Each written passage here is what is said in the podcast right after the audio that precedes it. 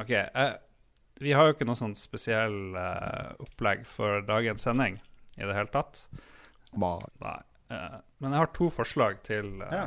intro. Den første krever sånn Krever sånn jingle eller eh, musikk, intromusikk fra en TV-serie. Så først må vi bli enige om hvordan intro Hvordan vi skal bruke. Jeg tenkte LA Law. Den er veldig sånn classic og bra.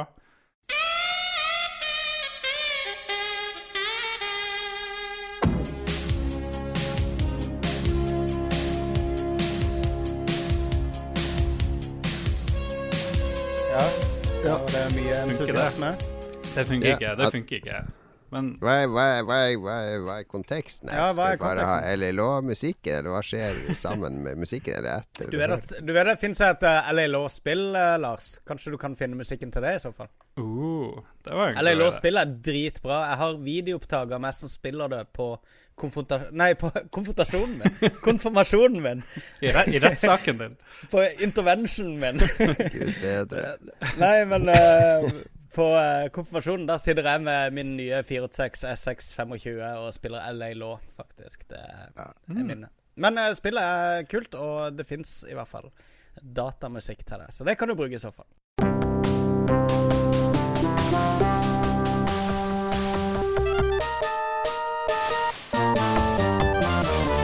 Ok, Men da sier vi at vi har kjørt en sånn bra intromusikk av et eller annet slag.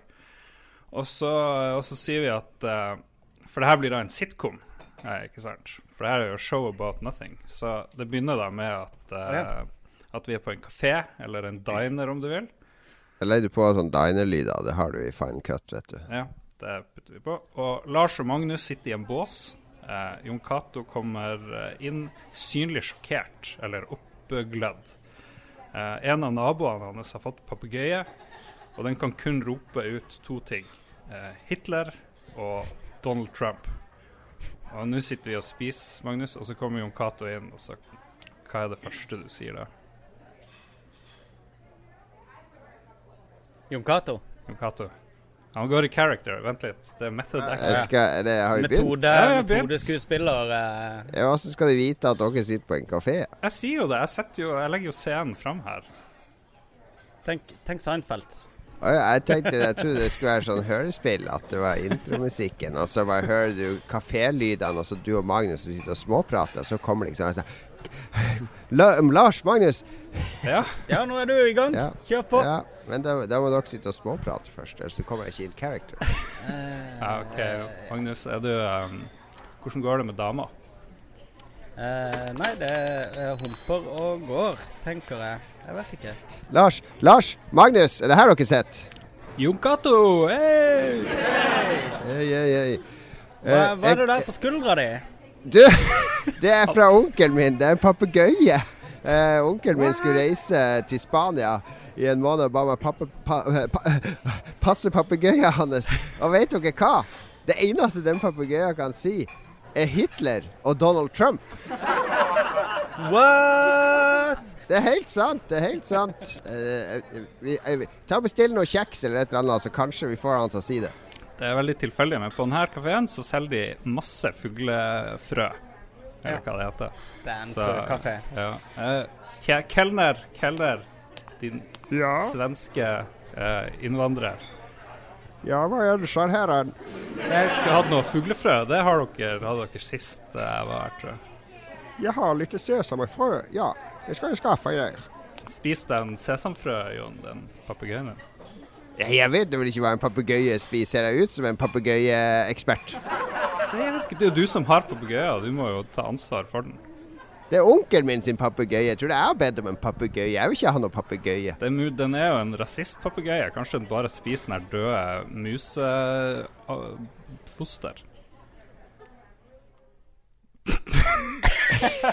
Hvor lenge skal vi holde på med? Ja, ja, ja. OK, ok, det, det blir Skal- vanskelig jeg skal bygge en eh, vegg for å holde undulatene ute av landet. Men snart i en sitcom så er det gjerne to, to spor av handling. Du har den ene som noen karakterer gjør, og så har du en annen en. Og så flettes de kanskje inn. Og i USA så er det jo veldig gjerne at det er en sånn moral i slutten, da. Så, så Men eh, Når, vi når alle ler sammen til slutt, mens denne avslutningsmusikken går. ja, kanskje noe Ja. sånt. Men jeg, jeg, synes, jeg er fornøyd. Jeg syns det her var bra. Men eh, vi, Ja, det blir kanskje vanskelig å holde på sånn en hel sending, så jeg har en alternativ. Enda en alternativ åpning. Har ikke vi begynt ennå? Herregud. Vi har jo begynt ja. for lenge siden. Det her er jo en ja, del ja, av showet. Må du ikke være så Du må skal spille med, Jon Cato. I sånn teatersport og sånt. Ja, jeg, spiller. Men, jeg var jo den Kan, eneste kan, som vi, hadde kan vi litt spole litt forbi teatersporten? du var jo allerede med. Jeg syns det Ja, nei, men jeg, jeg, prøver, jeg prøver iherdig å, å komme meg ut av det. Så Han har et rykte å opprettholde. Det her, nå er han ikke i komfortsona. Nei, dette er totalt utenfor komfortsona mi. Jeg syns du var veldig flink, eh, men eh, OK. Åh, eh, tusen takk. Det setter jeg enormt pris på, eh, Lars. Skal vi se. OK, jeg har rett mikrofon på. OK, den andre åpninga. Er dere klar? Um, og da, da er det talkshow. Er dere klar for talkshow? Sånn Ja. Sånn uh, som i, uh, i Jerry Springer-talkshow, talkshow, eller er vi på, eh, på eh, på sånn sånn- late night Conan? Vi er på late night. Late night. OK. Ok, ok. Riktig. Eh, live, men akkurat nå for det meste kanskje hørt i opptak. Det er Lolbua med Jon Cato, Magnus og Lars. I kveld ønsker vi velkommen våre gjester, journalist Lars, Rikard Olsen, student Magnus Tellefsen og direktør for Krillbite, Jon Cato Lorentzen. Og nå, ta godt imot din programleder, Jon Cato Lorentzen! Oh, wow! For et vær vi har for tida. For et vær. Det var eh, målt minus 18 i Hamar i dag. Hæ? Minus 18. Er det noen lavere i Norge? Hva med dere, Lars Magnus? Du har, du har to minutter standup. Det var veldig for, kort standup. før programmet begynner, Jon. Sånn er det På alltid. BI så er temperaturen alltid høy, har jeg hørt, eh, Magnus. Stemmer det? At, eh, hvor, hvor er alltid temperaturen høy? På BI. På BI er alltid Ja. temperaturen høy. Uh, what the fuck? uh, ja. Men eh, kan vi ikke gjøre dette, please? Vi er jo resten av Jeg vet du sitter og gosser deg akkurat nå, Jon. Dette er det han er, liker best å drive med her i verden. Det liker jeg godt. Teatersport, Yes. det liker jeg godt. Ja, okay, ja, ja. Eh, Men ja, tilbake til talkshowet. Vi har, eh, Magnus har ikke lyst til å si så mye. Minus 18, det er kaldt. Det er så kaldt at uh, her skal En god standup skal ha masse sånne analogier han bare kan slenge ut sånn. Det er så kaldt at Det er så kaldt at Men uh, Skal publikum jeg, si 'Hvor kaldt er det?' Og så må du forklare Ja. 'Det er så kaldt'. Det er så kaldt. Uh, apropos kaldt, jeg leste jo om uh, jordas kaldeste sted, som ikke er på Sydpolen eller Nordpolen. Det er jo i Sibir, selvfølgelig. Og det kan Ja. bli under minus 60, og der bor det jo mennesker. Og de påstår at når du spytter i minus 60, så fryser spyttet til is før du treffer bakken. Tror dere det er sant? Ja, det tror jeg så absolutt på. Ja. Er ikke det en sånn ting med Jeg har sett masse sånn videoer allerede på, eh, på Facebook av folk som driver og kaster sånn kar med vann rundt seg i lufta i kalde strøk. Så blir det til snø. Ja, ja, ja. ja, ja. Ja. Det er, Så- det. Og jeg husker jeg har hørt sånn myter om det der med at eh, i sånn kalde områder at folk satt inne i teltene og pissa ut.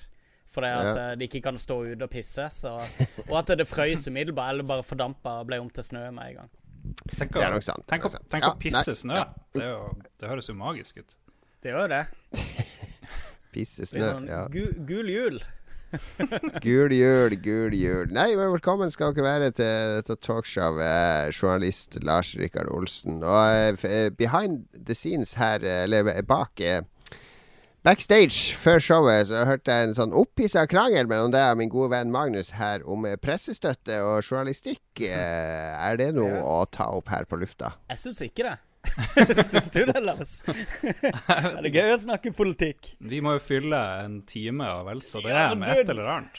Jeg føler dere er så desperate etter å fylle dette her. Er dere klar over hvor mye fyllmasse vi har i en vanlig sending? Vi har sånn tema. Ja, temaet i dag er strategispill. Så snakker vi om det i tre minutter. Og resten er sånn Ja, hva er det som har skjedd, og hvilke andre krangler kommer vi inn All i? right, all right. La oss, Leserbrev og la oss styre denne episoden ut av talkshow-studio og inn i det vanlige vi, tomrommet. Vi har bestemt oss for å ha er, Hvilken episode er det her? 99,5? Uh, Nei, det er The Lost Episode. Så The- uh, dette The er Lost Episode. Dette er en episode som vi har, har funnet innerst inne i Lolbua-arkivene, og som vi nettopp oppdaga, som vi trodde var tapt. Og eh, Ja. dette her er skikkelig gull for de Lolbua-entusiastene som er ute etter å høre alt vi har å by på. Helt riktig. Det her ble spilt inn eh, eh, i, i skrivende stund. Ja, 1945, så jeg tror eh, Mange sier det går mot en slutt på denne krigen, men jeg er litt skeptisk til det. Ja, jeg har en følelse om at eh, til våren så tror jeg det kan uh, lysne litt. Ja, Men det ikke- sa de i fjor, og det sa Det de i fjor. Det er sant. Eh, ikke putt eh, lit til akkurat den eh, profesien der, altså. Det tror jeg ikke vi skal stole for mye på. Jeg kan ikke fatte at noen skal orke å høre på det her, men det, det OK, vi skal ha en pause. Greia er Nå sporer vi inn på litt vanlig spor, for vi kan Total sånn fri improv hele episoden, det går ikke. Merker jeg, da. Du må være opptatt av noe vi kan snakke om. Eller har du lyst til å begynne med at vi skal snakke om hva vi har gjort i det siste? Nei, nei, nei, jeg har ikke lyst til det. Jeg har bare lyst til å Fordi jeg vet ikke åssen du kommer til å klippe det her, da. Hvis du først har det der hørespillet vi prøvde på, og så det tatt talkshowet, og så alle metadiskusjoner innimellom. Så folk kommer jo ikke til å henge det her på noen som helst knagg. Nei, det kan eh, være jo, bra. du må ikke tenke på åssen det du sier vil bli klippa i ettertid. Du må jo heller bare by på så mye materiale som mulig. Jeg har bydd på meg sjøl og lekt Ja, at jeg har en. Papegøye på skuldra. Hva har du hatt på skuldra?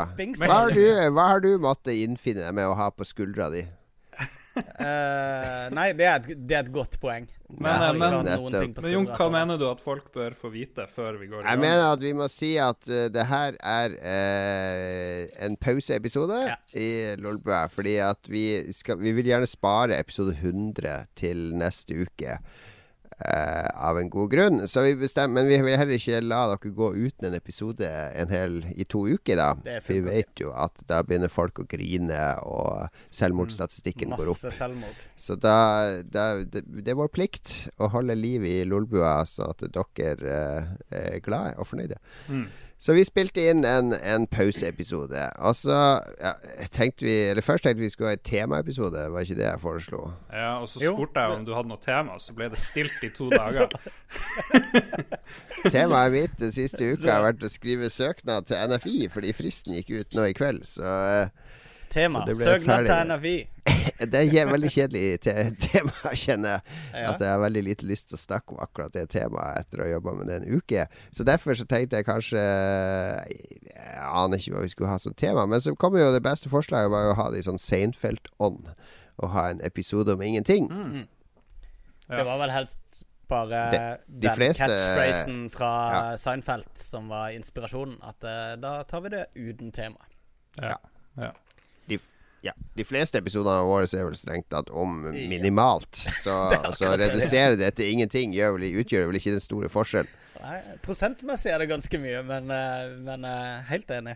Men da mye. vet vi ikke hva som skjer, for vi har faktisk ikke noe manus. Vi har fått forslag til noen ting å prate om, så det kan vi jo prøve på underveis. Men kanskje vi skal begynne med å prate om det aller viktigste, fordi for ingen kommer til å orke å høre hele denne episoden. Så, så vi kan begynne med å prate om det aller viktigste, nemlig episode 100. Det skal spilles inn uh, uh, fredag 22. januar. På et sted som heter Torgata bar. Eller det heter Ohoi nå, gjør det ikke det? What? Nei, det, det heter ikke Ohoi, men de har noe som heter Klubb Ohoi der, tror jeg. Det de har jo skilt utafor det står Ohoi. det Sånn neonskilt. Ja, de har fått det. Men det heter Det er Tilt. Alle vet hvor Tilt er i Oslo. Inngang tilt er i via samme bygg. Tilt. Ja, Så du går gjennom uh, shuffleboard-rommet, og så ender du opp på Torgata bar. Der vi har riktig, quizen til vanlig. Det er meg og Magnus å ha quiz. På Tilt i Oslo, altså. I Rockefellerbygget. Uh, fredag fra 16.00 på fredag kommer vi til å være der. Da rigger vi studio en time, midt ute på dansegulvet på Torgata bar. Vi rigger opp lydutstyr og skjerm og det vi trenger. Eh, 17.00 begynner vi å spille inn podkast. Det skal vi holde på med fram til 20.00. Og ha, det blir podkast og show. På, Og så eh, begynner vi inn, innspilling klokka fem. ja. Oi. Hvis vi skal være ferdig til ni, så må vi ha buffer på det. Okay. Så, men døra er åpen. Eh, baren er åpen. vi har med Det er ikke åpen bar, din kødd. Nei, baren er ikke åpen. Det går an å kjøpe ting i Så kule er vi ikke. det går an å kjøpe ting i baren. Vi spiller inn episode, og vi har planlagt masse morsomt som skal skje rundt episoden.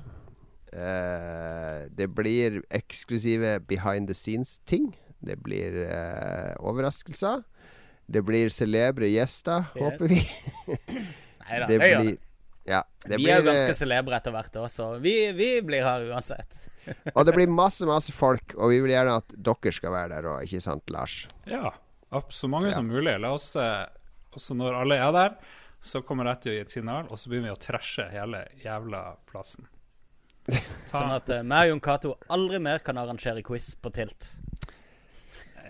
Hva Lars gjør, står for Lars sin regning. I ja. Lolbua er tre enkeltmannsforetak, så det er hver er ansvarlig for sine egne handlinger. Så, eh, så det, det kan sant. De har glassgulv utpå der vi skal sitte, er det ikke det? Det så de. Lars sitt mål for kvelden kan være å prøve å knuse det. Men ja, det blir eh, liveinnspilling og selvfølgelig megafest etterpå. Vi, eh, vi skal feste til langt på natt, og vi vil gjerne ha så mange av dere som mulig der. Mm. Det hadde vært fett. Oh, yeah. Fordi vi føler at vi har, eh, vi har ganske mange kule lyttere. Mm. mm. Og som også er gammel nok til å komme inn på Tilt, for det er vel 23 års aldersgrense der. Ja, det. Ja, det er det. Um, Ja. Hvis, du er, hvis du er over 20, så går det helt sikkert bra. Bare, ja, de er de, Vi uh, Det er jo private arrangement der, er det ikke det? Jo, det er akkurat det. Det er Jo, det er det, så, så Så, frem, går. til, frem til vi åpner for alle, som er klokka ni, så, uh, så tror jeg vi kan, uh, vi kan forhandle litt på det. Men jeg tror nok det er en god idé å være over 18, i hvert fall. Hvis du fortsatt går på grunnskolen, så får du vente på podkasten. Sorry. Folk, Sorry, eh, folk i chatten lurer på om det finnes slankeøl på Torgata bar.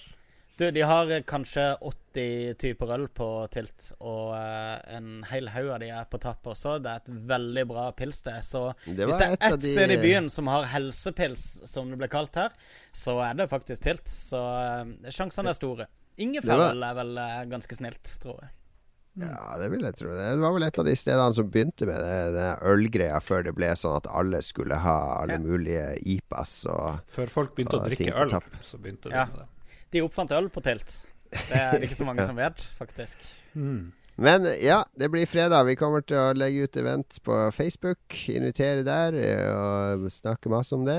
Kanskje dropper vi til og med litt eh, navn og ting som skal skje eh, der den kvelden. Så vi håper så mange av dere har muligheten til å komme. Det er jo bare Hvis du jobber i Oslo eller omegn, så du bare kommer rett etter jobb. Tilt er et liberalt sted, og det er masse bra spisesteder rett attmed, så du kan gå på Munchies, eh, kjøpe deg en burger og ta den med bort, og sitte og spise burger og drikke øl og se oss, eh, se og høre oss. Forhåpentligvis spille inn en bedre planlagt podkast enn den her. Ja. Uh, vi skal også prøve å engasjere publikum litt, så det, det blir en del ting som Det blir uh, interaktivt. Det blir ikke bare sittende og høre på ei sending, som uh, dere i stor grad gjør når dere hører på oss til vanlig. Vi skal være der til langt på kveld. Eh, Min eh, kone kommer, eh, våre venner kommer. Vår, eh, jeg håper ikke Du vet, hver gang vi legger ut en ny episode, så bruker jo min svigermor og min tante og min mor å like de episodene. Det kan være at de òg kommer. ikke vet jeg. De får jo se De kommer til å se invitasjon på Facebook, så jeg skal aldri si aldri. Jeg tror de allerede har eh, likt den der teaseren til Lars, så Ja, de eh, sjansen er stor. Får hilse på hele Lorentzen-klanen. Så det blir masse gøy der. Mulighet til å henge med oss, eh, ta bilde med oss. Det er gratis å ta bilde med meg og Lars. Magnus, fem kroner koster det der. Eh, han lærte på BI at Nei, det blir Kan gjøre hva du vil med oss, stort sett. Tilt. I hvert fall spandere drinker på oss.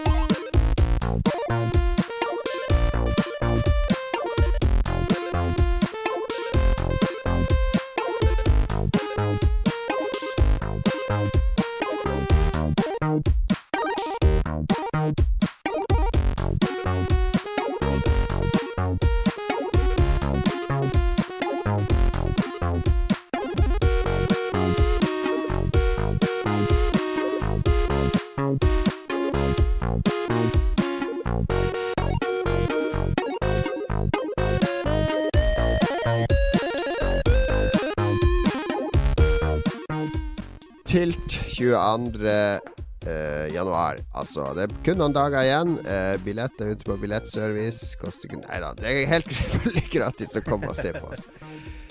Vi må snakke om noe annet enn hva vi skal gjøre der, eh, selv om vi sparer det beste kruttet til Tilt, selvfølgelig. Vi har det sykt her er- mye ideer, og vi diskuterer dette Ja. på daglig basis.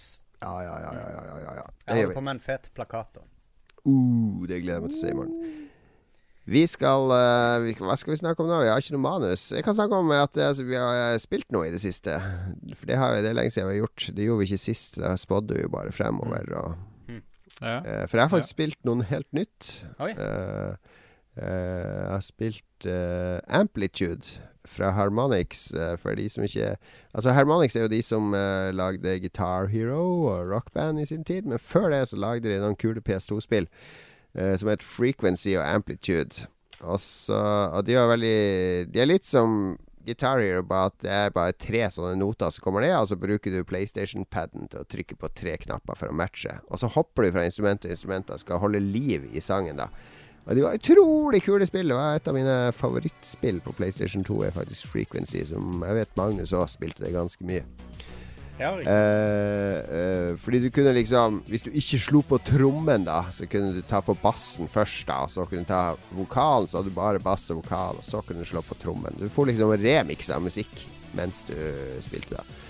Så de har eh, crowdfunda en helt ny Amplitude eh, på Kickstarter, der jeg spytta inn eh, 60-70 dollar, for jeg ble så glad når jeg så at Harmonix skulle lage en ny Amplitude. Og det spillet kom nå i, i jula, i sånn early access, og så ble det lansert eh, 5. januar. Så jeg har ikke fått lasta det ned før nå. Uh, lasta det ned. Jeg var superfornøyd uh, først, fordi det ser veldig, veldig lekkert ut.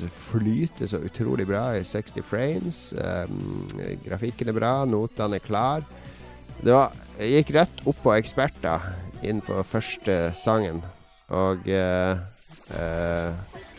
peisa gjennom sangen. Var akkurat som å være tilbake altså sånn 14-15 år tilbake i tid, før jeg satt og nispilte Frequency til øynene kryssa seg.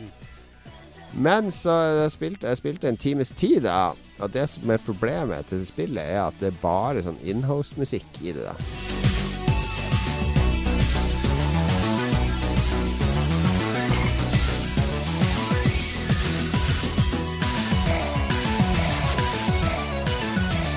music turns up to a deafening roar.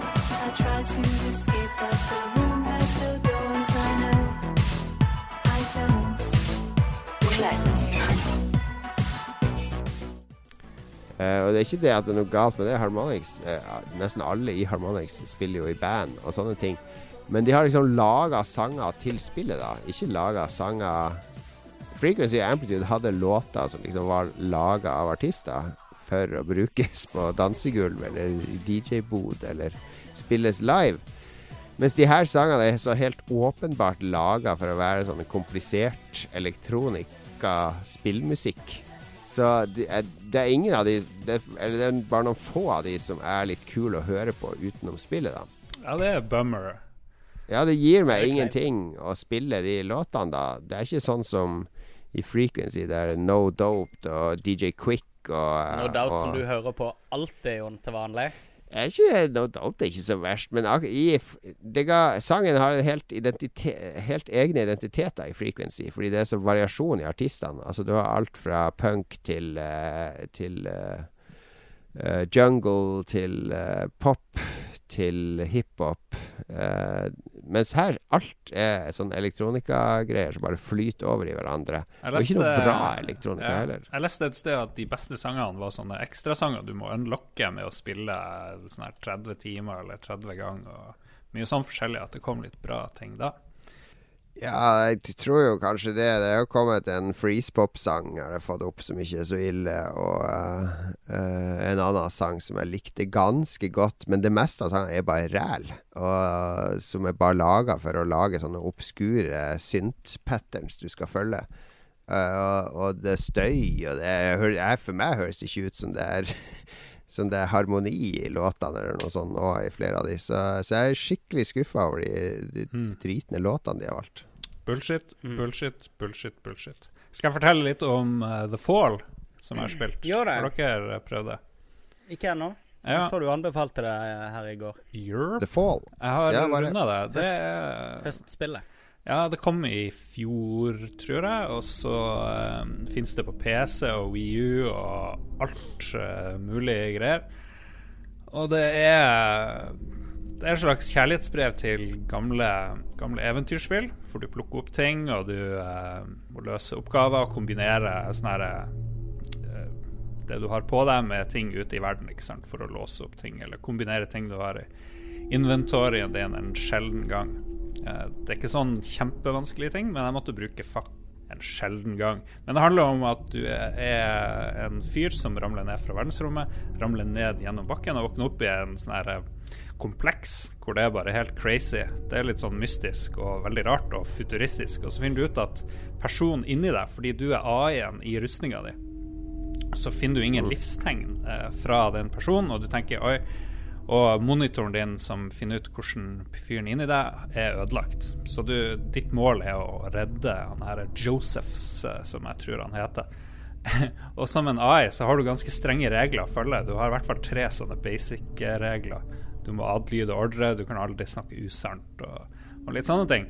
Men det, eh, det stedet du detter ned i, er ødelagt, det er gammelt, og det ser først ut til å være helt sånn livløst. Men det er eh, Det har en spesiell funksjon, og det eksisterer folk som, som er Folk som er der, og dyr og ting og, og alt det her. Og alt beskrives enten ved at du ser på det eh, med øynene dine på TV-en, eller at du highlighter ting, eh, og så får du lese tekst. Og den teksten er dritbra.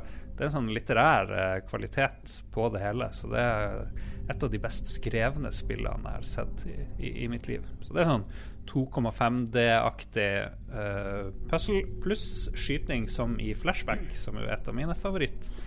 Amiga-spill, og det fantes vel på andre maskiner også. Ja vel. 2,5D ser ut til å være den store greia i år så langt. Det er ganske mye spill. Det kom et nytt eh, Assassin's Creed Chronicles også i denne sjangeren nylig. Og Double Fine har jo annonsert et nytt uh, 2,5D-spill som ser superlovende ut.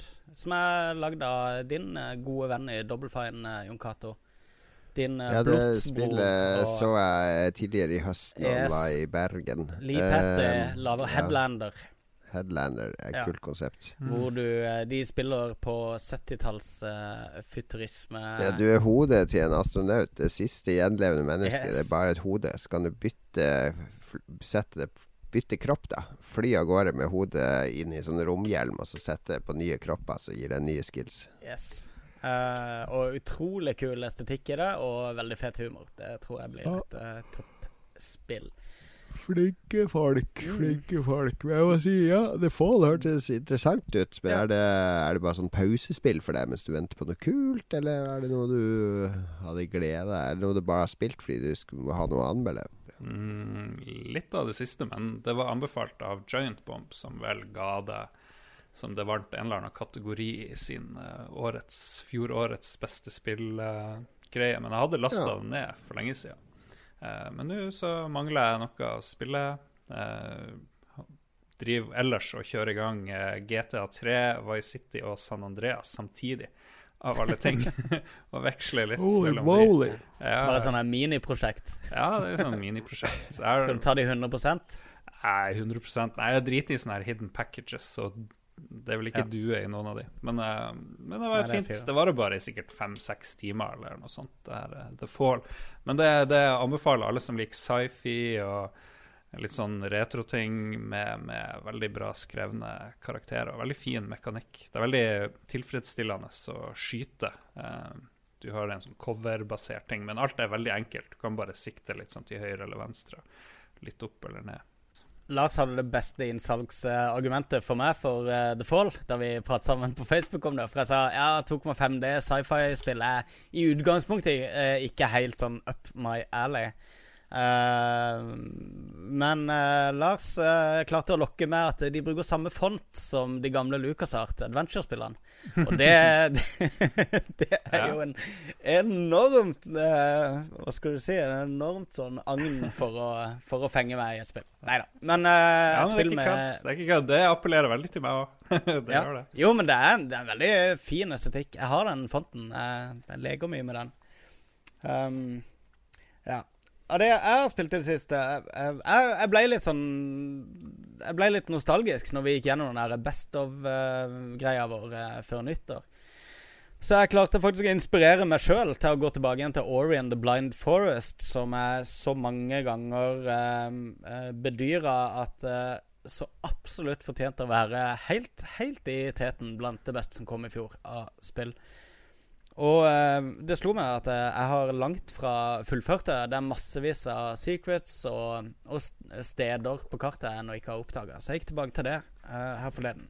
Tok en time, nei, kanskje en halvtime å komme inn igjen i kontrollene. Ganske frustrerende til det satt. For det er et relativt vanskelig spill når du kommer et, eh, et stykke ut i historien. Men eh, nå er jeg 100% tilbake igjen i det. Og det er et, eh, et vakkert gjensyn. Jeg anbefaler de som ikke har Mm. Som ikke har fullført det helt, om å ta turen tilbake og bare gjøre det for, eh, for det Ja, det var veldig koselig å være tilbake igjen i den pene uh, Miyazaki-aktige uh, tegneserieverden som de har lagd i spillet.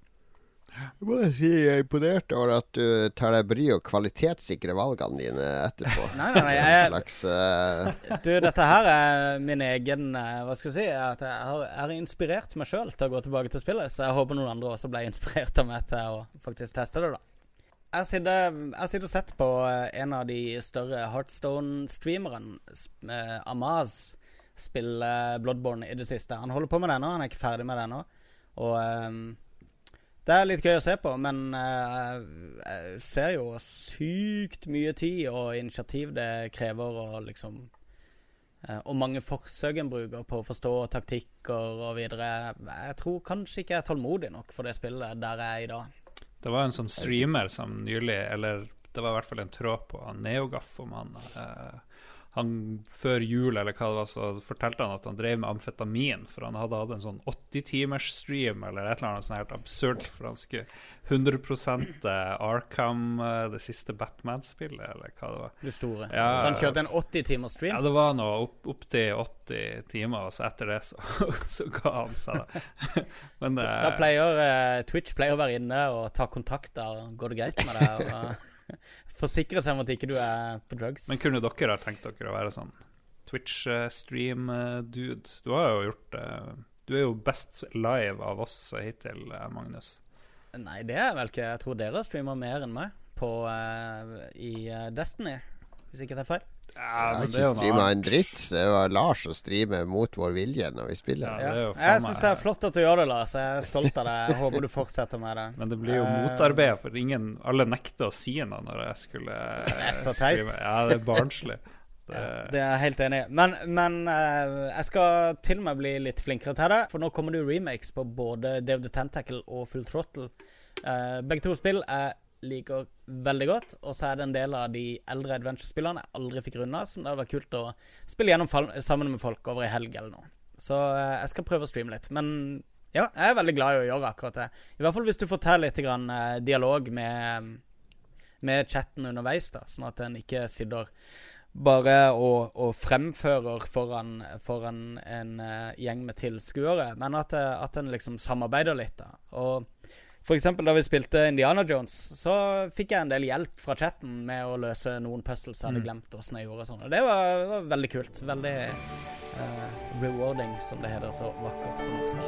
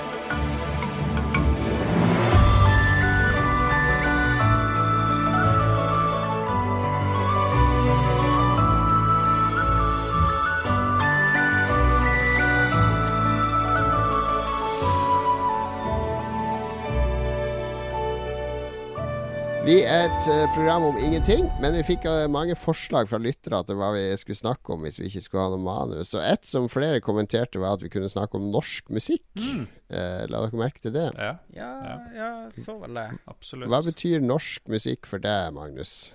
Eh, det er vel at det er eh, norsk, norske band som spiller mer eller mindre Snork. Eh, Jeg ber deg ikke om en, en, en leksikondefinisjon, men jeg vet jo du er eh, sånn patriot på lokalmusikk, er du ikke? Ja, det er ja, du var det før. Du har dratt meg med på sånn der eh, konsert med, der det skal spille tre Kristiansander-band og sånn, Ja, som du har dratt meg med på. Ja. Det er sikkert for å støtte kompisene dine og få enda flere til å komme dit, men det er jo en eller annen sånn lokal patriotisme der. Eh, det er det definitivt. Eh, jeg, jeg har siden, siden jeg var gammel nok til å dra på fritidsklubber, så har jeg vært veldig aktiv med å dra på eh, konserter rundt omkring i Kristiansand. Eh, gjerne Voiebyen og Slettheia, for de som er lokalt kjent der.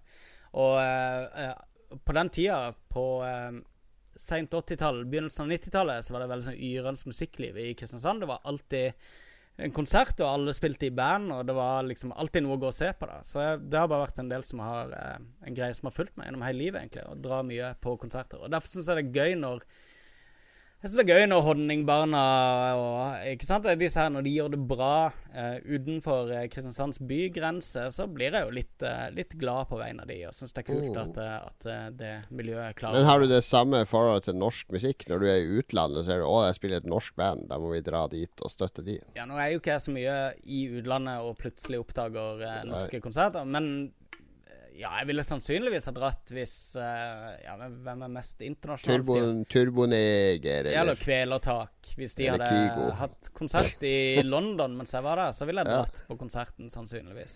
Det vil jeg tro. Jeg sa du stod i publikum. Do you, mean, you know that the name means stranglehold? uh, ja, det hadde jeg sannsynligvis gjort. Gått Ja. rundt og informert alle om de norske røttene.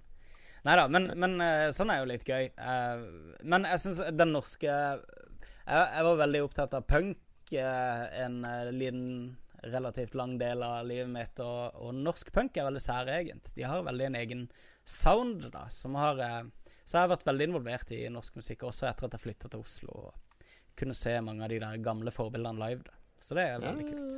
Enn du da, Lars? Hva er norsk musikk for deg? Bare Kari Bremnes og Mhm. Kine Hellebust og Etter jeg har blitt gammel, så er jeg jo enorm fan av eh, Kari Bremnes. Hun har sinnssykt mye, mye bra greier. En tidlig plate høres veldig ut som uh, tidlig Belcanto, som jo var et av mine favorittband lenge. Tidlig da han Geir Jensen, han Biosphere, uh, Mm. Ja, ja, ja. var med. Så de anbefaler de to-tre første Belcanto-platene. Han skal vel Var det ikke du, Jon, som tipsa? ja, Han skal spille på Øya, som, eh, som alle vi hipstere skal på. Mm, ja. Og Biosphere er jo kanskje noe av det jeg har hørt mest på. Jeg husker jeg ble introdusert Det er til det på en eh, hyttetur eh, vi hadde i, Ja. oppi her en, en jul, husker jeg. Det er ganske mye Nord-Norge-patriotisme, er det ikke det, på musikkfronten? Jo, Jørn Horn og Steinar Albrigtsen og Nei Jo, men, og, ja, men hva med sånn som røyksopp? Er det noe liksom der identifiserer deg med? Røyksopp er jo sånn Det er jo han, han ene som er fra nord, er ikke det? Jo, det er jo bergensbølga kanskje mer Ja. enn Men Tromsø hadde jo et veldig sånn musikkeksport. Ja, de hadde Lindbekk og Frost og hele den gjengen der. Ja, riktig. Og, ikke sant? Så, og Tromsø og Harstad, det er et stykke mellom der, er det ikke det? Ja, men Tromsø og Harstad hater jo hverandre. Ja, ikke sant? Og jeg ville aldri Jeg ville aldri hatt noe sånn patriotisme. Det er som om du skulle gå på Kvelertak-konsert Å nei, det, s- Det ville jeg gjort, ja. Men jeg, jeg har ikke noe spesielt Jeg har ikke noe eh, liksom eh, Noen eh, forutsetninger for å liksom gi noen ekstra plusser til et Stavanger-band eller et Bergens-band. Du går ikke rundt på, på festen og roper 'Bullet me! Bullet me!' Nei, det, men, men hvem gjør det? Men jeg merker jo at Det eh, tenker jeg våre venner i Rad Crew. Der er det, det er fast innslag på vorspielet. Går ikke på byen før de har spilt 'Bullet Me'. Ja. Og alle har stått i sofaen og ropt 'Bullet me! Og Tore Bullet Tang me!' og Ja, det er vel Ja. mer Tore Tang, tror jeg. Og Vamp Ja. og Månemann. Jeg vet faen. Jeg hater Vamp, forresten. Det er faen meg provoserende. Det var ikke han som Ja, det var på heller. Torgallmenningen. Ja. Jeg, plate, jeg har nesten 100 gjennomlyttinger på nå, så jeg på eh, Spotify, som er veldig mye. Um, Ja. um, Det er et uh, Oslo-basert uh, grindcore-band som heter Beaten to Death, som nettopp ga ut en plate som heter uh, Unplugged. Ligger på Spotify og på Wimp, og hele plata på jeg tror det er 13 sanger tar vel 21 minutter. Så de som liker bråkete musikk, bør absolutt sjekke ut Beaten to Death Unplugged. Nå fikk jeg plugga Unplugged. Ja, det er ikke verst. Og som de sier i chatten her, Susanne Sundfør er sjef, og det er helt, helt enig med. Hun er så ufattelig hot. Det er liksom hot. den første, første norske eh, artisten på mange mange år som jeg, som jeg virkelig har prøvd å eksportere over internett til folk jeg kjenner utenfor Norge, Norges Har grenser. du ikke sett henne live? Hun er sykt Ja. hot på scenen. Det er bare Ja, hun er flink. Det den bra musikken i tillegg til den liksom sånn halvsensuelle movesen. er- Jeg beklager, men Kom deg på Midnight Poker-klubben din hvis du skal ha de sensuelle musene. Er så Jeg var hos, avslutta jo Øya i uh, fjor, men uh, det var samtidig med Tåstrøm, så da Men det er en sånn greie med norsk musikk, Fordi hvis jeg er på Øya og sånn, så prioriterer jeg alltid å se de utenlandske bandene framfor de norske. Ja, men du føler Fordi det jeg er tenker De norske kan jeg se når som helst. De spiller jo hele tida. Mens det, det bandet her er i, i Norge for første gang på syv år, liksom. Og du vet aldri om det kommer tilbake. Nei, det er noe med det. ja. Jeg var jo veldig innom hiphop også når jeg var yngre, og, eh, og der syns Dark jeg Dark Side of the Force. Dark Side of the Force, Kristiansandere eh, Ja, ja, og Salvador også, som er halvdelen av, av den gruppa. Eh, men jeg syns norsk hiphop har hatt veldig lite å by på for min del, da. Um, selv om vi, Ja, vi kjenner jo er- noen av de aktørene selvfølgelig nå i ettertid, så syns jeg ikke Jeg syns ikke det har vært så interessant som mange har. Så akkurat der så har jeg ingen sånn her eh, lokaltilhørighetsfølelse, egentlig. Men hører dere på gammel musikk mest, eller, eh, eller hører dere på ny musikk mest når dere skal sette på noe? Jeg er ekstremt stuck in the 90s, har det slått meg. Uh, det er flaut. Men jeg var så sykt utforskende på musikkfronten hele det tiåret der at eh, Og liksom, hiphop føler jeg pika på 90-tallet. Jeg syns mye metal pika på 90-tallet. Uh, punken døde på 90-tallet. Og mye av elektronikaen og trip-hoppen Alt det der var liksom sånn 90-tallsfenomener som som jeg merker uh, Ja, trip, jeg var tilbake. Jeg hørte på Podishad Podishad i dag, faktisk. Og det slo meg at eh, det er faktisk en av de beste skivene jeg eier. Hvordan, Så- hvordan skive da? Portishad. OK, ja, Har du kaller kalt det Porty Shed? Portish. Det heter jo Porty's Head. Nei, Portishad heter det. Det er et sted Portishead? i England. What?! Jeg har sagt det feil hele livet. Ja, men de, Det er jo det er crazy. vanlig, det. Det er ingen som sier Porty Shed. Jeg, jeg husker bare jeg så et intervju med dem hvor de poengterte det veldig sånn tydelig. At Ja, eh, 1. april. det heter 1. april i det intervjuet. Har du en live fra Rosewood, eller hva farsken heter? Roseball, eller noe sånt? Magnus? Hva tenker du på? Det er en liveplate til Portis, Portishead, som det nå Det er New York uh, Philharmonic, eller, eller et eller annet sånt. Er det ikke det de spiller med, da? Ja, ja. Det men en av, eller to av låtene er fra Kartfestivalen, ja, faktisk. Og Vet du hva? Jeg klinte med ei dame hele den konserten. jeg var òg der! Var Var du på konserten? Ja, ja. Vi møttes ja, nesten. For jeg lurer på om enten så Bjørk der samtidig, eller så det Ja, Bjørk var der også, Ja, ja. Dødsbra konsert. Det Det var, var den konserten Lars, der dama gjorde slutt med å stå og klina med han der dvergen hele konserten. Det var lenge før jeg fikk dame. Det var, Du var han, ja. Han som sto og så på hele konserten. All right. Ja, men uh, norsk musikk eh, var det det handla om. Eh, det er vel vanskelig å si at jeg har noe sånn veldig spesielt forhold til norsk musikk. Det Har du ikke det?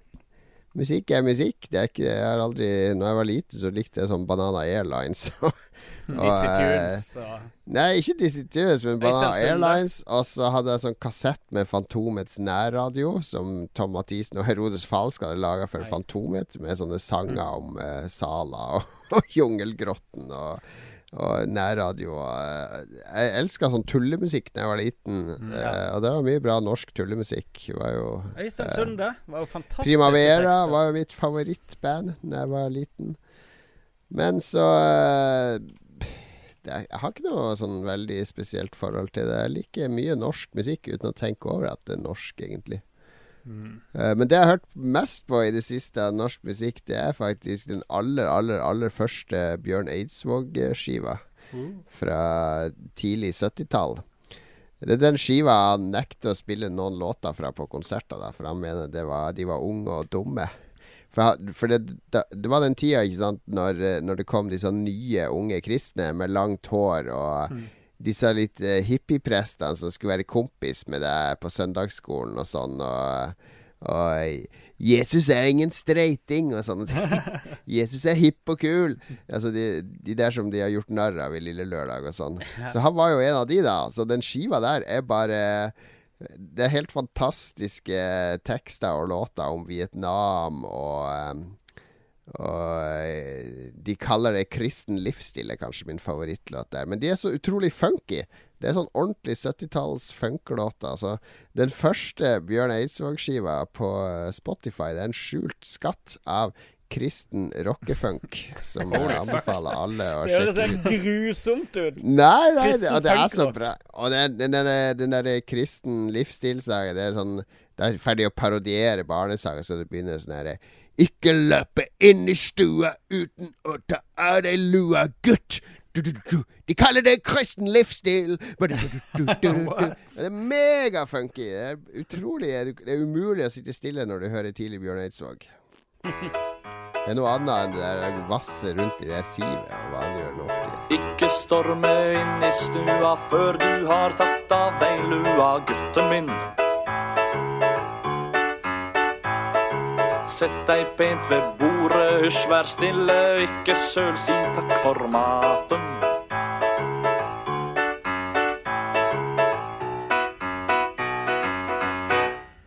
De kaller det kristen livsstil.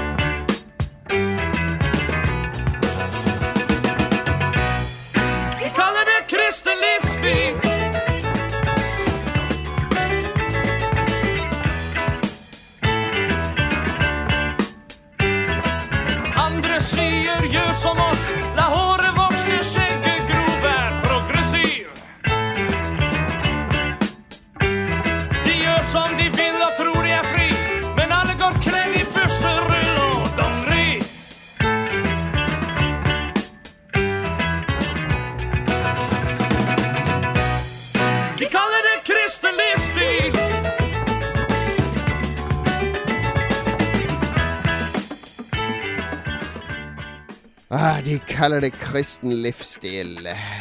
Potente saker fra Bjørn Eidsvåg. Sjekk også ut Vietnam-låten der med 'Fader'. For, for, ja, jeg skal, ikke, jeg skal ikke synge mer nå. Jeg har sunget nok. Det blir masse sang. Eh, førstkommende fredag 22.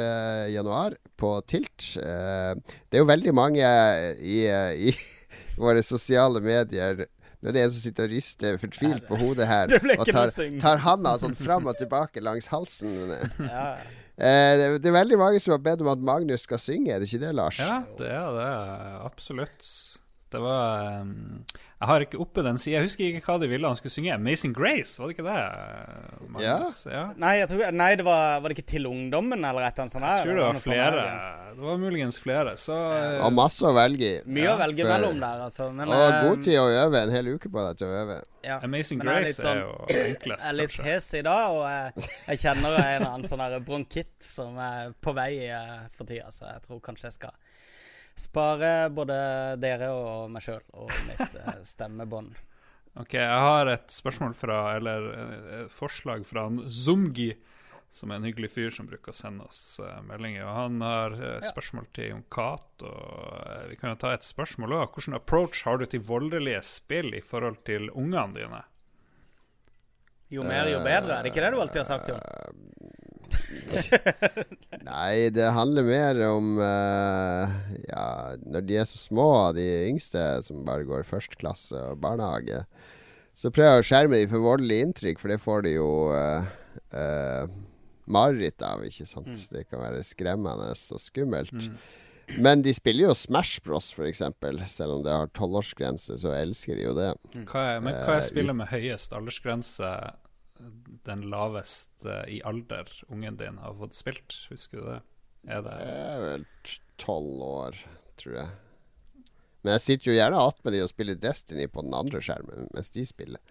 Men det er heller Det, det, det er ikke Ja, OK, okay. det er ikke Call of Duty, akkurat. Ok, det, det, Så, det høres ut som du passerer pappatesten her, og det er helt greit. Var, du hadde ingen sensasjonelle ting å komme med. Men Magnus Gjør det, gjør det sammen med ungene dine og sett deg litt inn i det. Det er jo det jeg anbefaler alle å gjøre. Fordi Ja. spiller jo ikke farlig, men spill kan være skummelt, akkurat som ting på Dagsrevyen og filmer og Mm. TV-serier også kan være skummelt. Så pass nå litt på. ja, Så har vi fått et spørsmål også til Magnus. Er det blasfemi å bruke maisenna eller potetmel for å jukse til eller redde en saus? Det er, Altså kort svar, kort svar, takk. nei, det er vel ikke det, men uh, jeg, jeg pleier å si det. Jeg har, jeg har vært i USA og kjøpt et eget type mel som allerede er varmebehandla, og som ikke setter igjen smak i sausen. Men eh, du har lov. Alt er lov. Bare du ikke smaker det. Bare det ikke smaker kjipt.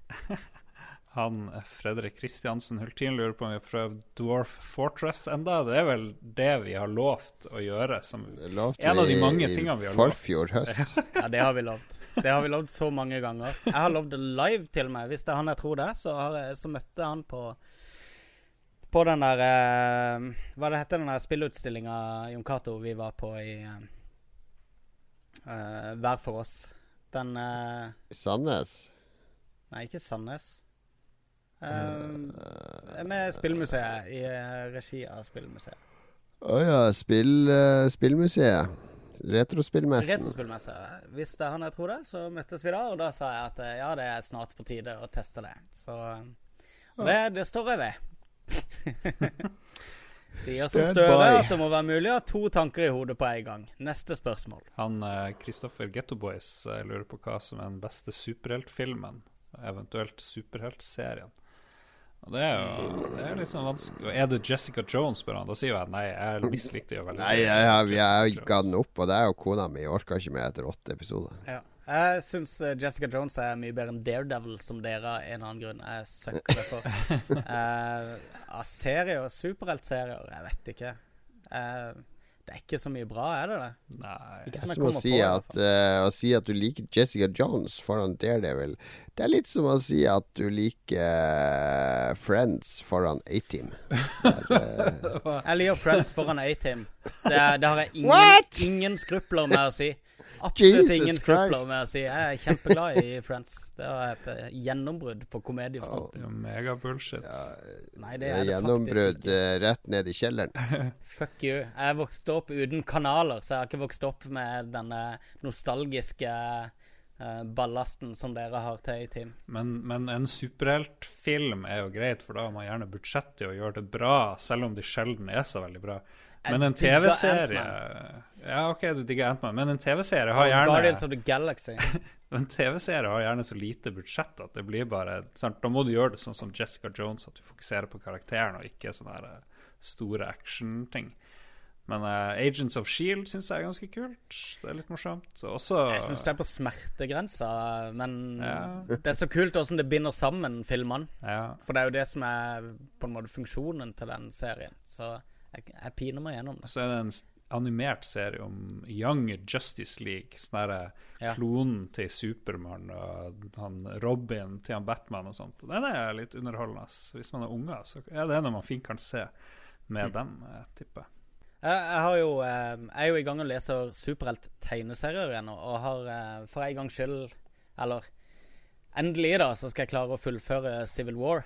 Eh, Og lese alle de der eh, 100 tegneseriene, eller hva det er, som binder sammen den storylinen før den eh, Captain America-filmen kommer nå. Det er ikke så langt unna, er det? Den Civil War-filmen. Eh, ingen aning. Men jeg har ikke sett eh, noen av de siste der. jeg skal i hvert fall lese gjennom hele den, og så skal jeg prøve å komme gjennom alle de andre, sånn, de som er sånn cross eh, Sånn felles uh, events i Marvel-universet. Jeg tenkte å prøve å lese alt det. Ja, jeg kommer ikke på noe uh, min favoritt Det Star Wars, er ikke det superheltserie? Nei, det er jo sci-fi eller sci-fi. Nei, det er ikke det. Fantasy. Space Det er jo ikke superhelter. Det er jo ikke Ja, Det er fantasy, det er magi og da strekker du superhelt Nei, det er ikke er superheltfilm. superhelter. Nei. Kanskje Jeg jeg er veldig glad fortsatt i den Batman-serien fra 60-tallet. Den ligger Nei, på YouTube, hele serien. Jeg ser den av og til. med ungene. Ja, men du ser det fordi at det er, det er vittig. Jeg husker da han gikk etter Ja, men jeg, er sånn der Jeg er sånn der gamlis eh, jeg, jeg, jeg drømmer om å leve Mange gleder seg til fremtida. Jeg elsker fortida. Altså. Jeg, jeg skulle gjerne vokst opp på 60-tallet og vært barn når den serien gikk, og sett Twilight Zone og sånne ting på TV når det først gikk. Jeg driver og ser alt sånn opp Jeg vil gjerne ha det inn i min eh, oppfattelse av kultur. Da. Så jeg driver og ser Twilight Zone-episoder i lunsjen fra 60-tallet, originale Twilight Zone og Mm. Outer Limits og serier som jeg aldri har blitt eksponert for, men bare har hørt om. Hva med, hva med MacGyver? Er han en superhelt? Han er idiot. Han er jo som Batman, han er jo med gadgets, og han har jo en sånn super oppfinnsomhet, da. Akkurat som uh, Iron Man. Så uh, ja da. Vi har nettopp uh, Da er jeg bare venter på at Marvel skal, skal lansere uh, MacGyver-tegneserie. Det er bare å vente. Det kommer noe MacGyver-spin-off etter hvert. Det er garantert. Den filmen MacGruber er jo veldig morsom, syns jeg. Med han Will Forte, eller hva han kalles. Sånn spoof på den. Det er noen episke sexscener i den MacGruber. I got it. Gruber. I always get an erection when a beautiful woman uses a pair of pliers near my balls. I'm a virgin. Not for long.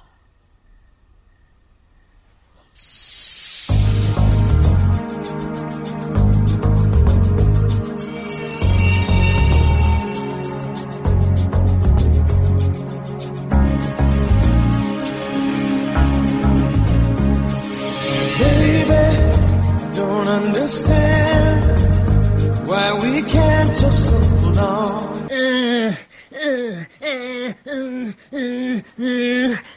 My God, I'm gonna freaking explode inside you. I'm gonna spill it. I'm gonna fill you up. Oh. I'm gonna fill you up. What? I'm gonna fill you oh, up. Okay, just let me do the talking. Oh yeah. Oh yeah. Oh yeah. Oh yeah. Oh yeah. Oh yeah. Oh. Oh. I'm gonna. I'm gonna do it.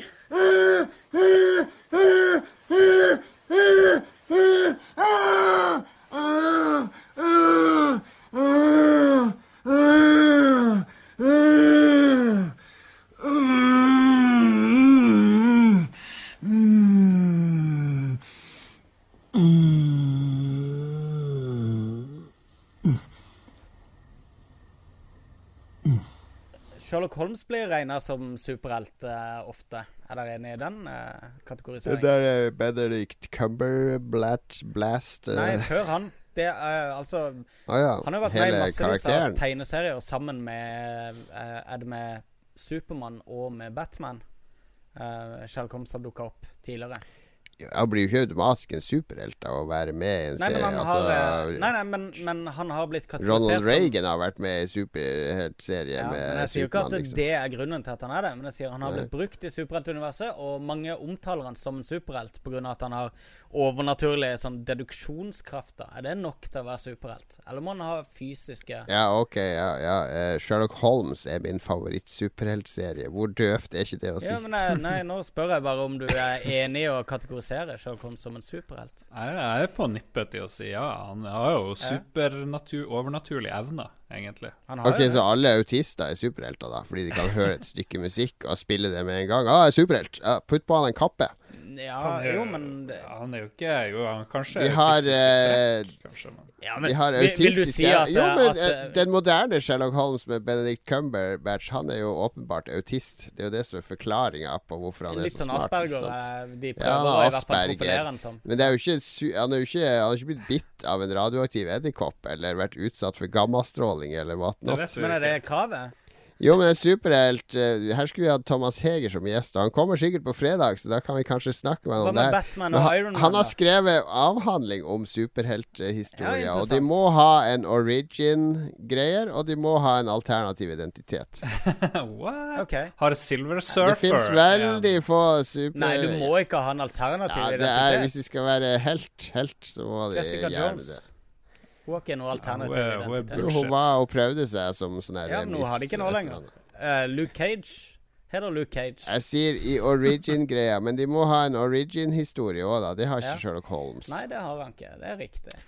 Så, så det er regler hvis man vil være strikt på det. Men hvis du vil kalle Sherlock Holmes for en superhelt, så gjør det. Jeg kaller mamma for en superhelt. Hun sto på. Eh, lagde middag, henta Oh i barnehagen. Der har du en ekte superhelt! Så jeg, så jeg nominerer Hustruer, Hustruer filmtrilogien til de Ja. beste Vet superheltfilmene. du hva, jeg syns at de som står opp om morgenen og drar på jobb, de vil jeg si er de ekte superheltene. Magnus, er du klar? Nå begynner jeg, nå legger jeg an til Amazing Grace her. Eh, og så tar du bare- og plukker opp, ikke sant? En, to, Mister stemmen her hvis jeg ja, OK, da avlyser jeg det. Vi får se hvor mange Jeg jeg lover alle, det er bare å kjøpe Ratziputs til Magnus på fredag, så blir det Amazing Grace i løpet av Jeg har, jeg, har en, eh, jeg har et lite forsett om å ligge unna de, eh, de skumleste spritene, så eh, Ingen forsetter på fredag. Der eh, nullstilles alle forsetter og alle hemninger. Klarte du å, eh, klarte å logge alle ølene, Jon Cato, du drakk på eh, Jo, ja da, ja da. Eh, Det her er- kan vi jo fortelle om i, siden det her handler om ingenting. Ja. Vi var jo på Spillprisen og NME Gameplay på eh, lørdag som var. Uh, vanligvis har vi pleid å ha livesending fra NME Gameplay, men av uvisse grunner er vi nå boikotta av den norske spillbransjen pga. noe som skjedde på Klekk. Nei da, det var bare at vi fant ut at vi skulle spille inn episode 100, da, så det å dra Lars ned to ganger i januar ble kanskje litt overkill.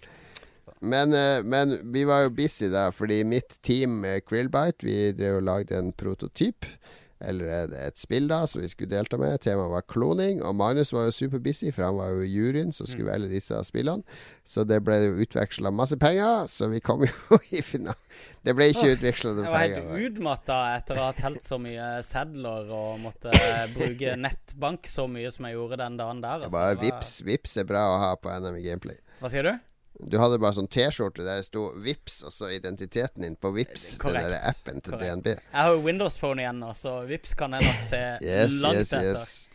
Ok, Men ja, det var en lang dag da med eh, Anime Gameplay og der alle spillutviklere i Norge, eller mange spillutviklere, det var vel 21 eller noe sånt, som stilte ut spill, og fire som kom til, til finalen.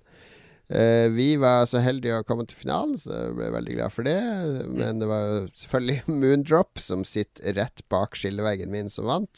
For de har alltid utrolig lekre og gjennomtenkte spill gameplay Det var så sykt kult, det spillet også. Ja, det var et bra konsept. Tre Tredje gang de vinner NM i gameplay. Tre av fem Ja, ganger har de ja, vunnet. Mm. Men det, eh, er det, det er de som har laget det der eh, Åh, hva heter det? Det der uh, glassdesigna Det som er sånn her eh, eh, Hva heter det? Ja, det er Amfora Am- har ja. de laga, som kom for et par år siden. Og så holder de på med Degrees of Separation nå, som også er veldig lekkert. Ja, riktig. Men- Men, Amfora likte jeg ikke i det hele tatt. Men det de har gjort på, uh, på NME Gameplay, er superfan av. Jeg synes det er dritbra det de leverer på kort varsel. De er dyktige. Mm. Men eh, ja, de vant, og så var det spillprisen etterpå med eh, tidligere Funcom Morten Larsen.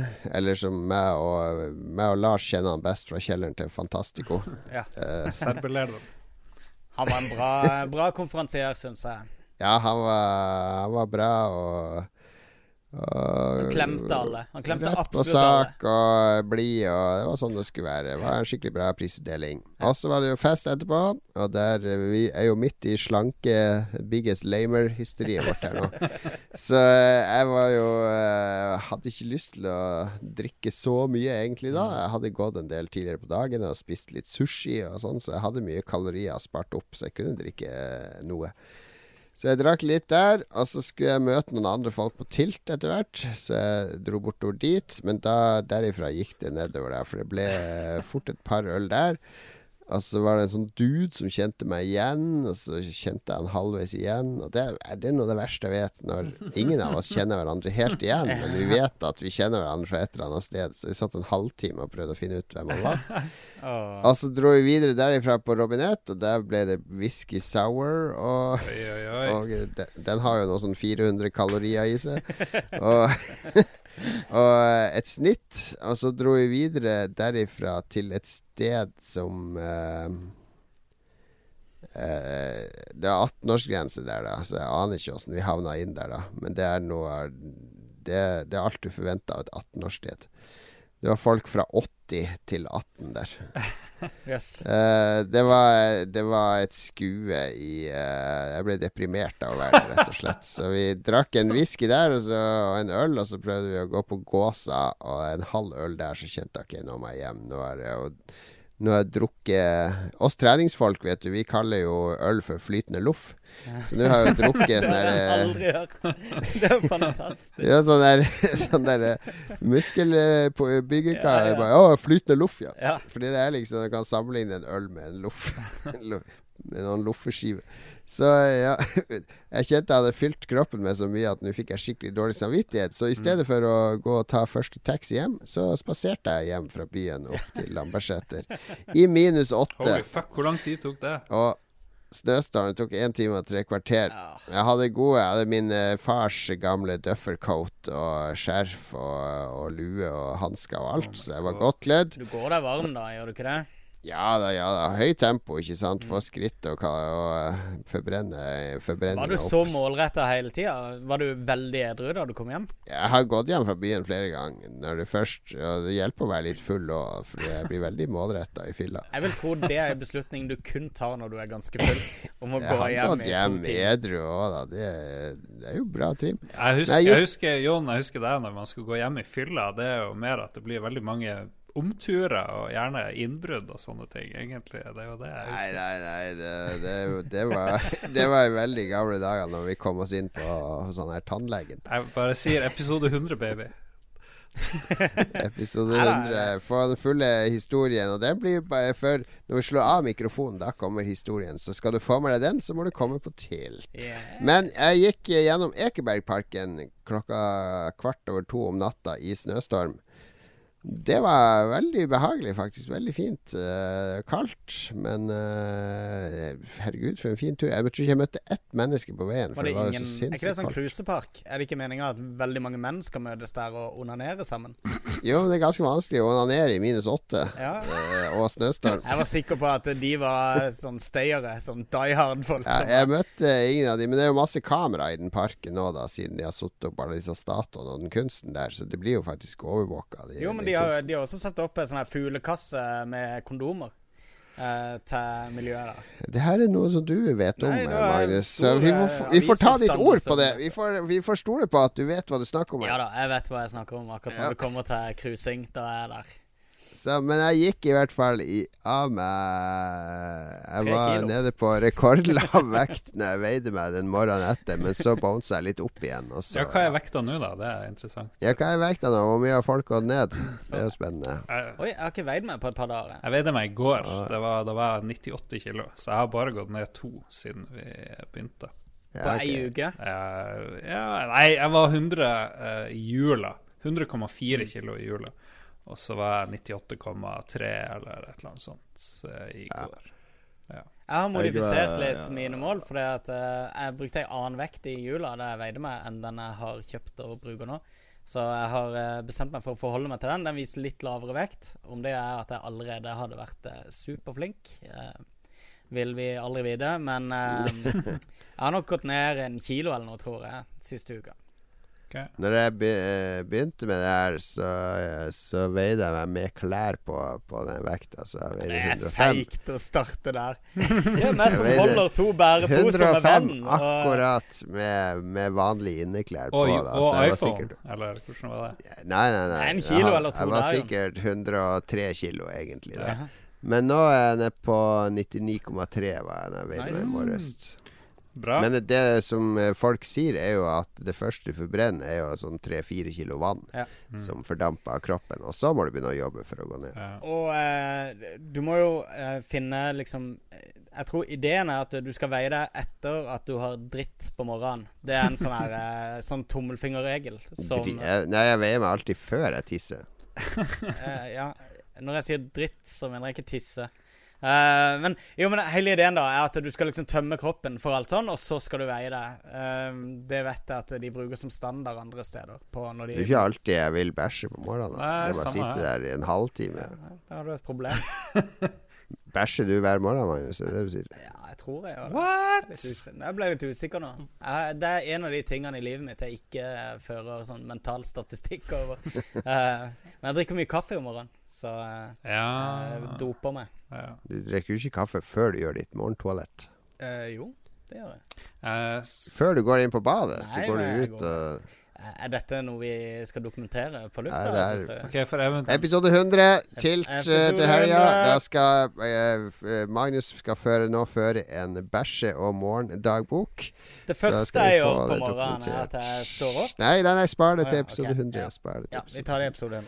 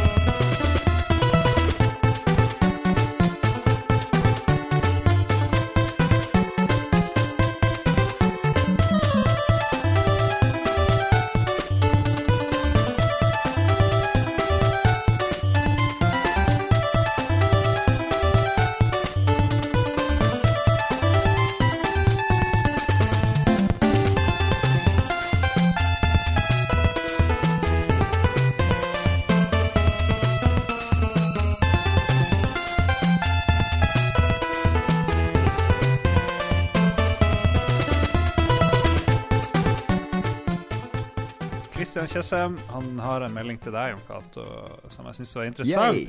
Han sier at du nevnte at du var med i demogruppa It, og så sier han at Racer It og IMP666 arrangerte et copyparty på Hisøya i Arendal i 19... Ja, det var feil. feil. Det var Rawhead, eh, Imp 666 og, og It. Ikke Racer. Ja, Det Racer. var Rawhead. Racer var kanskje etter det? Eller? Ja, vi arrangerte med Racer senere, men det var ikke der. Ok, men, okay, men da kan vi ikke stole på noe her. Men var du der i 89 på Arendal? Ja, ja, ja, det var der vi var. Vi dro uh, Det var 18 år, var jeg vel da. 17 år var jeg. Hadde ikke lappen ennå. Eh, vi gikk i andre gym, og vi dro ned jeg tror jeg, ti stykk. Vi tok buss fra Harstad til Fauske, så tok vi tog fra Fauske til Oslo, og så tok vi tog fra Oslo til Arendal. Det var sånn 30-timers tur for oss å komme oss ned. For problemet i 89, hvis du skulle dra fra Harstad til Oslo, var at det Ja, var ett flyselskap. Jo, det var ett flyselskap. Det var SAS. Så prisene begynte på 4000, for de hadde jo monopol. Fløy ikke var- båten safe til oppe i nord der? Nei, de hadde noe sånn spesialrute. Det var ikke før Norwegian kom at det gikk an å fly for folk flest der oppe. Så eh, det, jeg liker ikke å bruke sånn Frp for folk flest, men så, sånn var Det det. var litt ekkelt. beklager Klipp det. det ut. Klipp, klipp det ut. Det. Men vi, jo, vi dro Vi var ti stykk, tror jeg, som dro uh, til Arendal. Det er litt kult, da, fordi det her var før Jeg var 89, sant. Det var ingen mobiltelefon. Vi hadde kun brevveksla og snakka på sånn fastlinjetelefon med han uh, Jarle, eller Lord Assassin, som han ble kalt i Imp 666. Han sa jeg kan bo her hos meg fordi foreldrene mine skal på ferie og er hjemme alene. Så vi hadde liksom hele huset hans for oss sjøl. Det, det visste jo garantert ikke de foreldrene hans.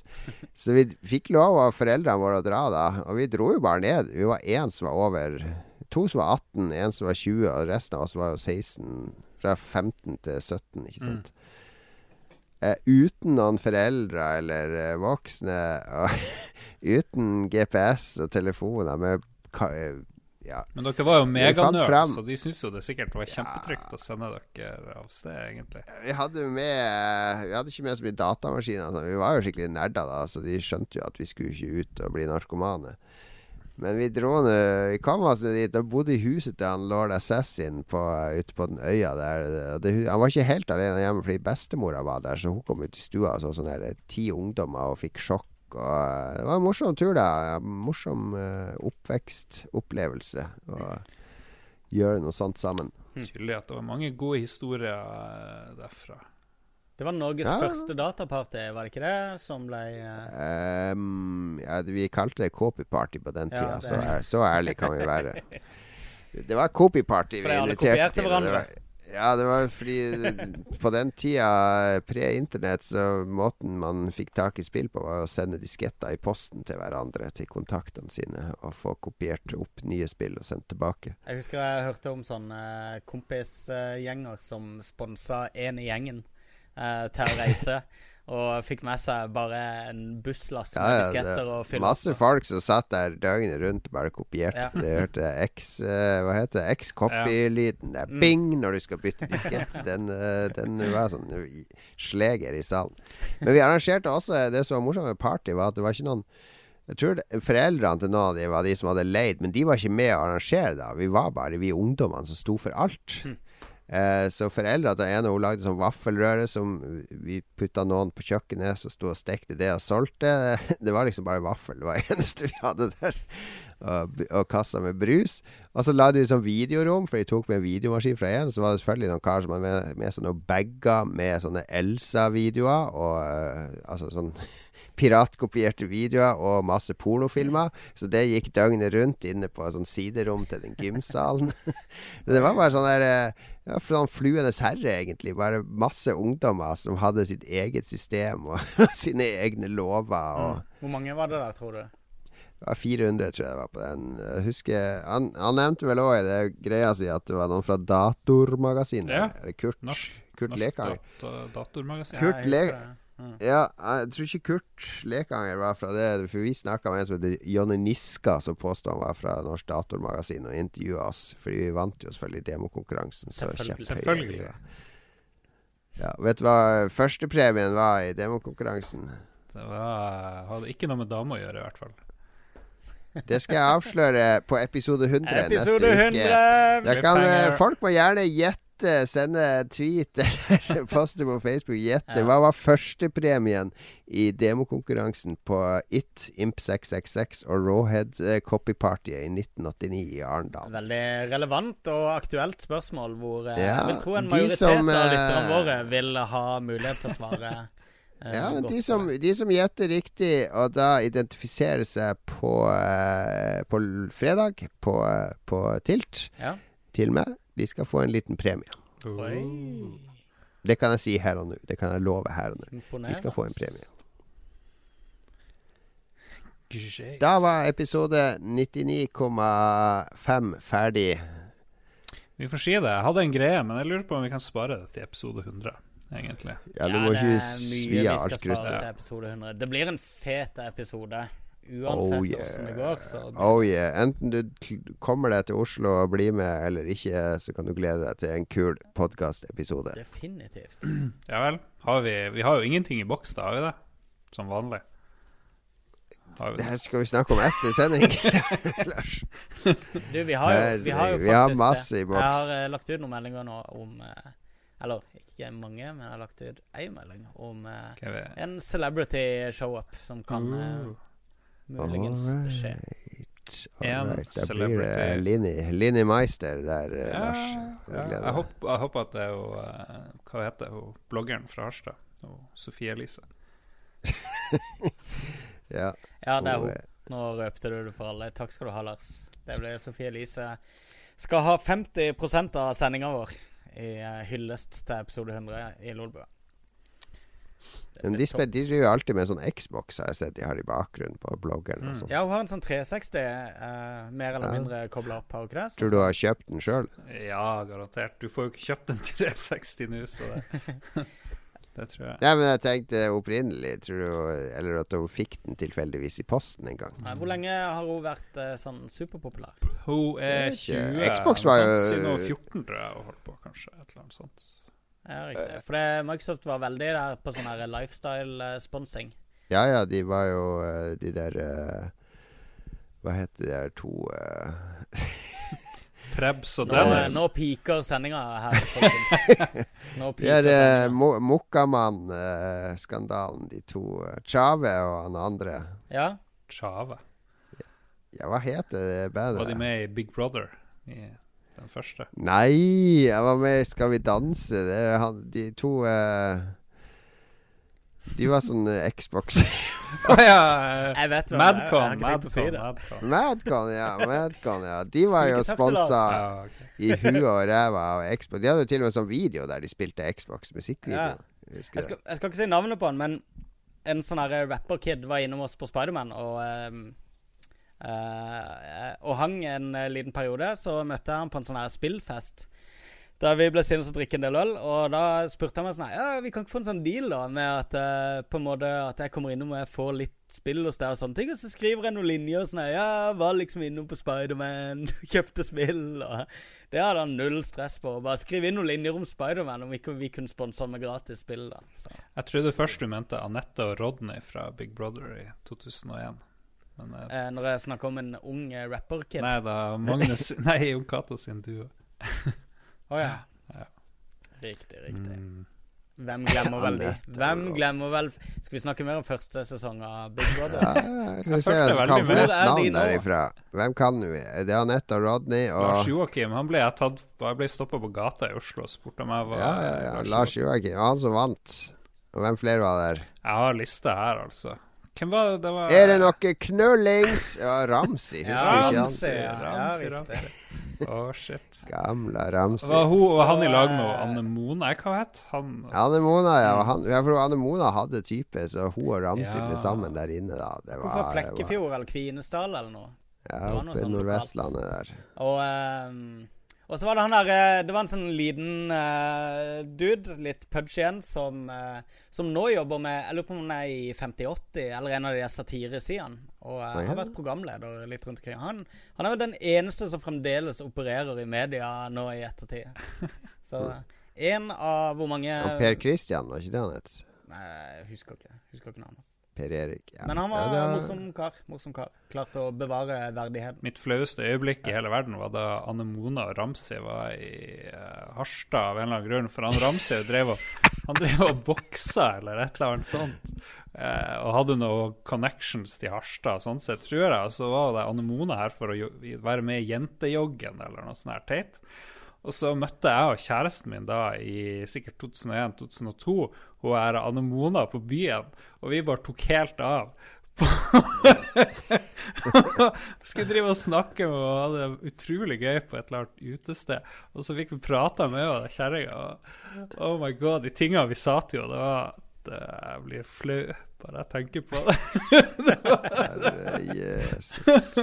Si det til oss, da. Del nå med community rundt deg, Lars. Det er den eneste måten å få Nei, nei, nei, det her skal du dele på episode, Episode 100. 100. Behind the. Å, nå har vi lagt så mye Så mye forlokkende teasers ut for episode 100. Vi blir jo glemme Så det der. spørs om vi Vi trenger en episode 100 jingle du kan eh, klippe Ja. inn hver gang vi sier episode 100 i denne sendinga. vi legger, vi legger ut event i morgen. Hvis det bikker Hvis det blir opp i sånn 1000-2000 påmeldte, så må vi nesten flytte til Spekter. Ja. Men vi det, får se er, hvor det det har vi allerede begynt å planlegge, så det er ikke. Men eh, folk, Vi- folk må gjerne sette seg som attending og sånne ting hvis vi setter opp et event på det. Men det er kult hvis de er litt ærlige på det, så vi faktisk får en, eh, en, eh, en anelse om hvem det er som har dukka opp. Interested er lov å si på Facebook. Ja, Oh my god. Nå skal vi slutte av. Takk for i dag. Takk for at du hørte på denne meningsløse episoden. Jeg beklager den der forferdelige introen. Men sånn går det når Lars har en god idé. Nei, det var en god idé, da, men kanskje litt mer prep før vi skal kaste oss ut på, eh, på å utfordre NRK sine hørespill. Men jeg er veldig fornøyd med splashen til denne, til denne sendinga her. Ja, Det- det har vi snakka om, at vi skal ikke drive og snakke om splashene i sendinga. Det har vi men, eh, aldri ja, snakka om. Det kommer jeg aldri til å være enig i.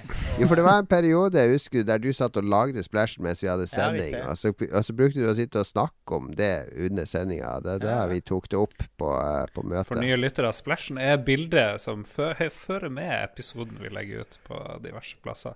Som ingen Alle setter pris på, men ingen har lyst til å høre om i Hvis det, er, hvis det var noen nye lyttere i starten av denne episoden, her, så er det ikke her nå. Nei, det er jeg uansett ikke. Du er ganske manisk opptatt av Lolbua hvis du hører på Jo, han Altså. Exadus følger med. Hva er dette? Koselig stream, men hva er dette? Så vi har Altså- en ny fyr innom her, faktisk. Ja, jeg, Exadus, du kan komme på uh, Tilt på fredag 22. Yes. januar, så møter du oss IRL. IRL. Men det her har vært en uh, sending om absolutt ingenting. Jeg syns det gikk veldig bra. Min personlige oppsummering. Much ado about nothing. Er det ikke det eh, Shakespeare sa? Det var en fin sending og fint snakk med dere. Jeg gleder meg til å se deg når du kommer ned, Lars. Ja, det ble kos. Ja, i like måte. Mm. Så skal vi ha med vekt på, på fredag. All right. Ja, det, vi ses på fredag, uh, lyttere. 22. Kjære lyttere. Jeg Håper så mange av dere kan uh, komme og bli med og feire 100 episoder med Lolbua. Vi hadde aldri trodd vi skulle komme så langt der med og Lars snekra sammen strikk og binders for å prøve å lage en podkast. Helt enig. Takk for i dag. Følg oss på Facebook, Lolbua, Twitter, Lolbua. Du vet hvor vi er. Ha det bra. Ha det. Ha det.